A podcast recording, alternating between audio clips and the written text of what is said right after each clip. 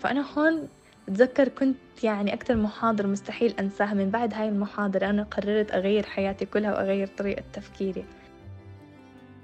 فحسيت إنه خلص جد تعبت إنه صار الوقت اللي أواجه حالي وأرضى بشكلي وأتقبل حالي. إنه للحظة فكرت إذا هذا الكلام اللي حكاه الدكتور رح يكون صح إنه أنا رح أكمل طول حياتي جد ما عندي شعر أكيد ما رح أضل أتخبى من الناس. كل التجارب الصعبة اللي منمر فيها بحياتنا قادرة إنها تضعفنا وتكسرنا كمان. ورغم الإيمان في لحظات الضعف نحكي مع حالنا نسأل ليش إحنا من دون كل الناس. لكن هاي اللحظات بتضل لحظات. نستجمع قوانا بعدها نوقف قدام حالنا ومنقول إحنا أحسن من الكل لأنه الجمال والثقة والقوة تنبع من داخلنا ومنعكسها لكل اللي حوالينا. ميس الزبن قدرت تتحدى كل الصور النمطية وتواجه كل الصعوبات وتطلع على حالها بشكل حقيقي وتحب نفسها لتسقط كل معايير الجمال وتحط معاييرها. ميس رغم التحديات اللي مرت فيها عاشت طفولة هادئة وجميلة. رح تحكي لنا قصتها القصيرة. آه، طفولتي كانت حلوة بسيطة. عندي أخت واحدة عمرها عشر سنين أنا الكبيرة. بالمدرسة كنت شطورة. وأنا صغيرة كنت هادية. بس لما كبرت صرت شوي شوي هيك يعني مش مشاغبة بس مش هادية مثل وأنا صغيرة. يعني صرت هيك أبني صداقات وأتعرف أكتر على اللي معي بالمدرسة. لما كانوا يسألوني شو بدك تطلع لما تكبري كنت أحكي لهم مذيعة آه كتير بحب الإذاعة والإعلام. حتى كنت حابة أدرس هذا التخصص بس ما كان موجود بالجامعة اللي بدي إياها اللي هي الجامعة الأردنية. بس آه كنت دايما حابة إني أكون إعلامية. حتى أيام المدرسة كنت دايما أطلع على الإذاعة أحكي إذاعة الصبح أطلع أحكي ونبلش الطابور الصباحي ولما يكون في آه، مناسبات مثل يوم الأم أو يوم الكرامة وهيك إنه أنا أطلع أحكي ويعملوا مثل هيك فعاليات هيك أكون أنا عم بقدمها. فكنت دايما أنا صغيرة أحب أكون إعلامية. آه، بالتوجيهي كنت أدبي. خلصت جبت معدل 93.6 درست بعدين. أنا كنت حابة أدرس فرنسي وإنجليزي سوا بس وقفت على أربع أعشار. فكنت برضو حاطة ضمن القبول الموحد بدي علم النفس. ما كان حدا يعرف من أهلي ولا أي حدا إنه أنا حاطة هذا التخصص. ولما طلع لي هذا التخصص عملت مناحة كتير بكيت كتير وتضايقت مع إني أنا كاتبته وحاطته يعني بالطلب بس ما كنت متوقعة إنه يطلع لي. دخلت الجامعة الأردنية بتخصص علم النفس. كنت عم بفكر إنه أجرب أول فصل بعدين أحول بس لقيت حالي إنه حابة هذا التخصص رغم إنه بس أخذت مادة واحدة فيه فحسيت إنه لأ حاببته وكملت فيه. ميس اللي ما كانت تعرف إشي عن تخصصها من محاضرة واحدة. من مادة واحدة بدأت تتعلق بهذا التخصص اللي كان نقطة تحول لتغير طريقة تفكيرها بحالها وتوقف قدام مرايتها بدون شعر تتصور بدون شعر وتحب حالها بلا رموش وبلا حواجب.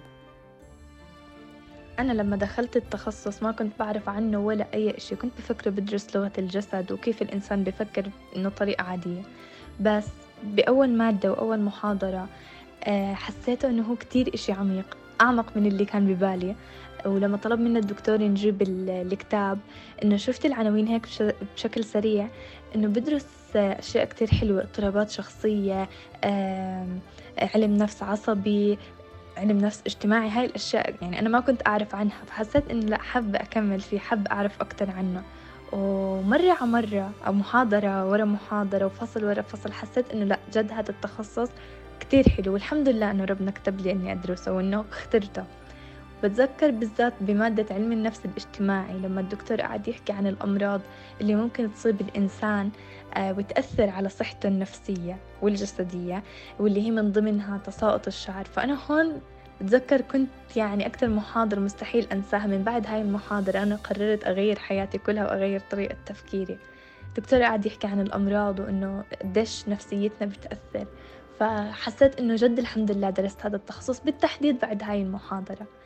آه، وحاليا بعد ما تخرجت آخر فصل آه، كان المفروض إنه أختار إيش وين بدي أتدرب. هلأ إحنا عندنا التدريب يا إما بتروحي بتتدربي clinical بعيادة أو مستشفى أو منظمة أو منظمة بتكوني إنه دعم. أو بتروحي بشركة أو مكان تتدربي إنه HR فأنا قررت أو كنت بفضل بفترتها إنه أتدرب بشركة HR وحاليا عم بشتغل بشركة تأمين. بس شو اللي خلى ميس تتأثر بهاي المحاضرة؟ اللي حكى فيها الدكتور عن تأثير فقدان الشعر على الإنسان وارتباط الحالة النفسية بفقدان الشعر والعكس. بالحقيقة ميس بتعاني من مرض الثعلب الشاملة اللي خلاها تفقد شعرها ورموشها وحواجبها وهي لسه طفلة لصارت صبية. هلأ أنا شعري تساقط بشهر تسعة 2011 من 2011 وأنا كل مرة أو كل يعني آه كل مرة أهلي عم بيحاولوا يحكوا لي شكلك كتير عادي ولو تطلعي هيك ما فيها إشي والناس ما إلهم دخل وأنا مصرة إنه لأ كيف الناس نظرة الناس آه شكلي مو حلو أنا ما عندي شعر وما بصير. وليه هيك شكلي؟ وكل ما أوقف على المراية أقعد أطلع بحالي وإنه أبكي على حالي. إنه طب ليه أنا من بين كل البنات؟ كنت أفكر حالي إنه أنا الشخص الوحيد بهاي الدنيا اللي فقد شعره آه، بسبب الثعلبة الشاملة لأنه ما عمري بصراحة سمعت عنها. كنت دايما أعرف عن الثعلبة إنها بتكون بقع فكان دايما يعني كل ما أوقف على المراية أو بين ما أكون كل ما أكون لحالي قبل النوم آه، أتضايق. لحد ال 2019 هي هاي المحاضرة كانت بشهر 8 2019 كتير غيرت من تفكيري. أه حتى وقتها لحقت الدكتور بعد الملا... بعد المحاضرة وسألته كم سؤال عن الموضوع. بنفس السنة بال 2019 بشهر أربعة رحت عند دكتور استشارة. حكالي شعرك ما رح يطلع بالمرة فبرضه هذا كان له أثر. من شهر أربعة لحد شهر ثمانية أنا خلص يعني قررت إنه أواجه الكل وأورجي الكل إنه هاي هي أنا وهاي ميس وما عندها شعر. بشهر ثمانية ألفين وتسعة عشر مستحيل أنسى التاريخ سبعة عشر ثمانية لا كل هاي الفترة آه وأنا مو مقتنعة بحالي وأنا مو راضية بحالي ولا راضية بشكلي رغم إنه كان يعني ثمان سنين بهديك الفترة من 2011 ل 2019 ثمان سنين إنه أبدا مو لا المفروض إنه أكون تعودت على حالي بس مستحيل ما كنت أتعود على حالي. آه فاللي صار نقطة التحول كانت المحاضرة والكلام اللي حكاه الدكتور. عن شعري وإنه شعرك ما رح يطلع وحتى زراعة ما رح يزبط معاكي. وغير عن كلام الناس كان صاير معي كمان موقف بفترتها بداية السنة آه، كتير كان مأثر فيي. وغير عن كلام الناس وإنه صلع وما عندك شعر و... فكان كله كله مأثر فيي ومضايقني. فحسيت إنه خلص جد تعبت. إنه صار الوقت اللي أواجه حالي وأرضى بشكلي وأتقبل حالي. إنه للحظة فكرت إذا هذا الكلام اللي حكاه الدكتور رح يكون صح إنه أنا رح أكمل طول حياتي جد ما عندي شعر أكيد ما رح أضل أتخبى من الناس وأهرب منهم وإنه لما يندق باب البيت أفوت على الغرفة ركض عشان أتخبى فحكيت إنه خلص لا صار الوقت إنه أنا أتقبل حالي وأواجه حالي قبل ما أورجي أي حدا إنه هاي هي أنا. فعليا كان هداك اليوم اللي هو 17 8 أول مرة أتصور بدون شعر وأنا ما عندي شعر. أول مرة بمسك التليفون وبحط الكاميرا هيك علي سيلفي. بالعادة كنت كل ما أمسك التليفون direct أقلب الكاميرا. فكانت هذيك أول مرة ونزلت الصورة وتوقعت إنه تكون آه، ردات الفعل أو ال comment من الناس كتير سيئة. لأنه أنا متعودة بحياتي إنه ينحكى لي صلعة يي ما عندك شعر يي وين شعرك؟ طب ليه ما عندك رموش طب طيب طيب طيب طيب. كل هاي الأسئلة كتير تعودت عليها. فتوقعت إنه تكون نفس الإشي. بس اللي صار العكس إنه كانت ال comments كتير حلوة وكتير مشجعة ومحفزة. صح في كم comment سلبي بس الأغلبية أو اللي بيطغى الكلام الحلو اللي حكوه الناس واكتشفت إنه كمان لا مش أنا لحالي بهاي الدنيا اللي عندي هيك اكتشفت قد إيه في بنات وشباب غيري. أما عن المراحل اللي مرت فيها ميس قبل ما توصل لهاي الجرأة وتقلب موازين الجمال وتحط معاييرها. ما كانت طريقها سهلة. أول ما نزل شعري حطيت طاقية بعدين حطيت حجاب بعدين حطيت باروكة بعدين آه، زيقة البواريك لأنه غيرت كتير بواريك. حطيت بواريك طبيعية وبواريك مش طبيعية. فكان الموضوع بصراحة آخر إشي كتير زهق وكتير ممل ومتعب. وبعدين صرت رجعت أحط طواقي ورجعت أحط آه، حجاب وتربن وهيك. بعدين آخر إشي خلص قررت إنه خلص آه لما تقبلت حالي إنه أطلع زي هيك بدون ولا إشي هلأ حتى لما أنا كنت أحط بواريك لما كنت صغيرة لا ما كنت راضية ولا متقبلة حالي لأنه أنا بيني وبين حالي عارفة إنه هاي مو أنا. يعني هذا بالنهاية أول بتذكر أول مرة جبت فيها الباروكة كتير انبسطت. كنت كل باروكة بجيبها جديدة أتحمس عليها وأنبسط وأكيف عليها بس بعدين إنه لا آه، عارفة بيني وبين حالي هاي مو أنا آه، وما أكون راضية. هلا لما كنت أحط باروكة كنا نحل مشكلة الشعر كان بضل الحواجب والرموش. آه الرموش كنت كتير أخاف إني أحط آه آه lashes إنه صناعية أو إنه أركب رموش يعني. ما عمري قربت عليهم مسكارا ما كنت بقدر أحط وكتير كنت أنسأل ميس أنتي شقرة طب ميس أنتي ليه ما بتحطي رموش؟ لأنه ما كان في رموش.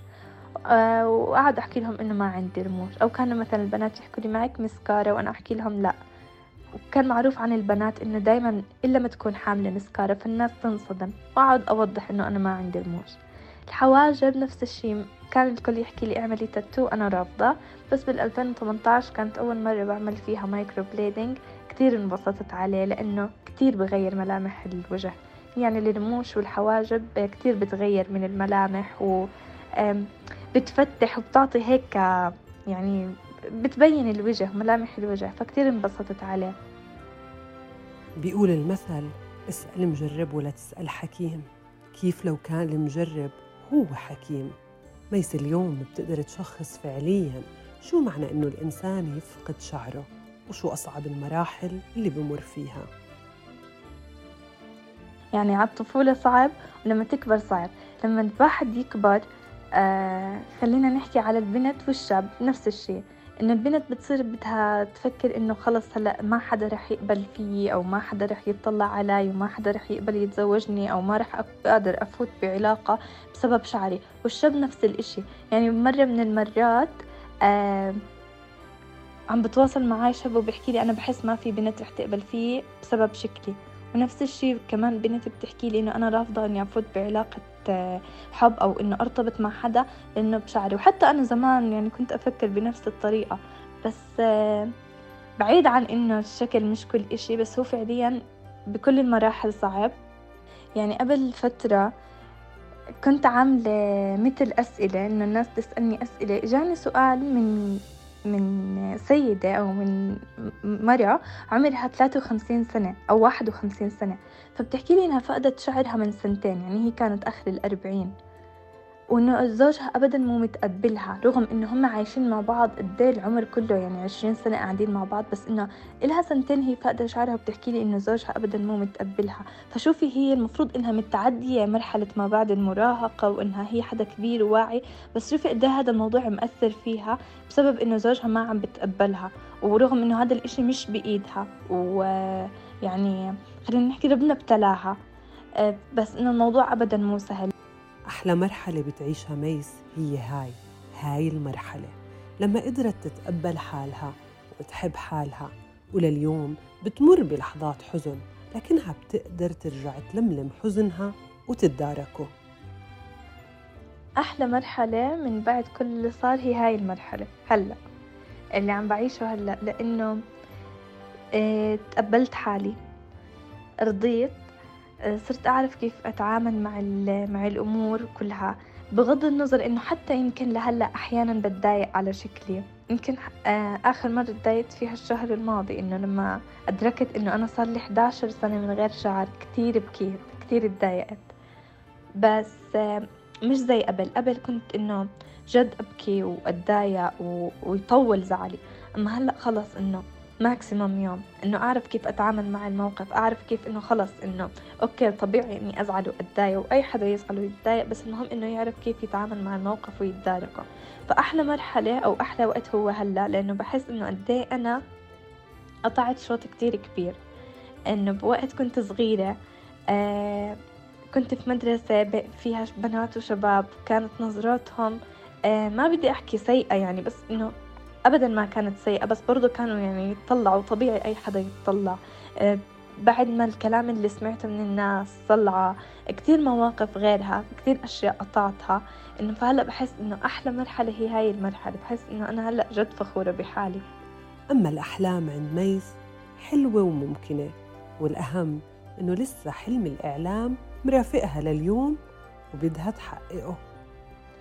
حاليا بصراحة بحلم باليوم اللي يجي وأشوف في شعري طويل وأحكي إنه الحمد لله وأخيرا ربنا عوضني وطلع لي شعري. وبحلم إنه على الصعيد المهني إنه أتطور بشغلي وأتقدم فيه وأكون أحسن وإنه بحلم كمان إنه يجي يوم من الأيام وأصير في جد إعلامية كبيرة. يعني أنا قلت لك إنه من فترة قدمت برنامج بس لسه إنه بحس إنه جد بدي أتعب على حالي وأوصل لأنه هذا كان حلمي من أنا وصغيرة. وبس هذا هو حلمي.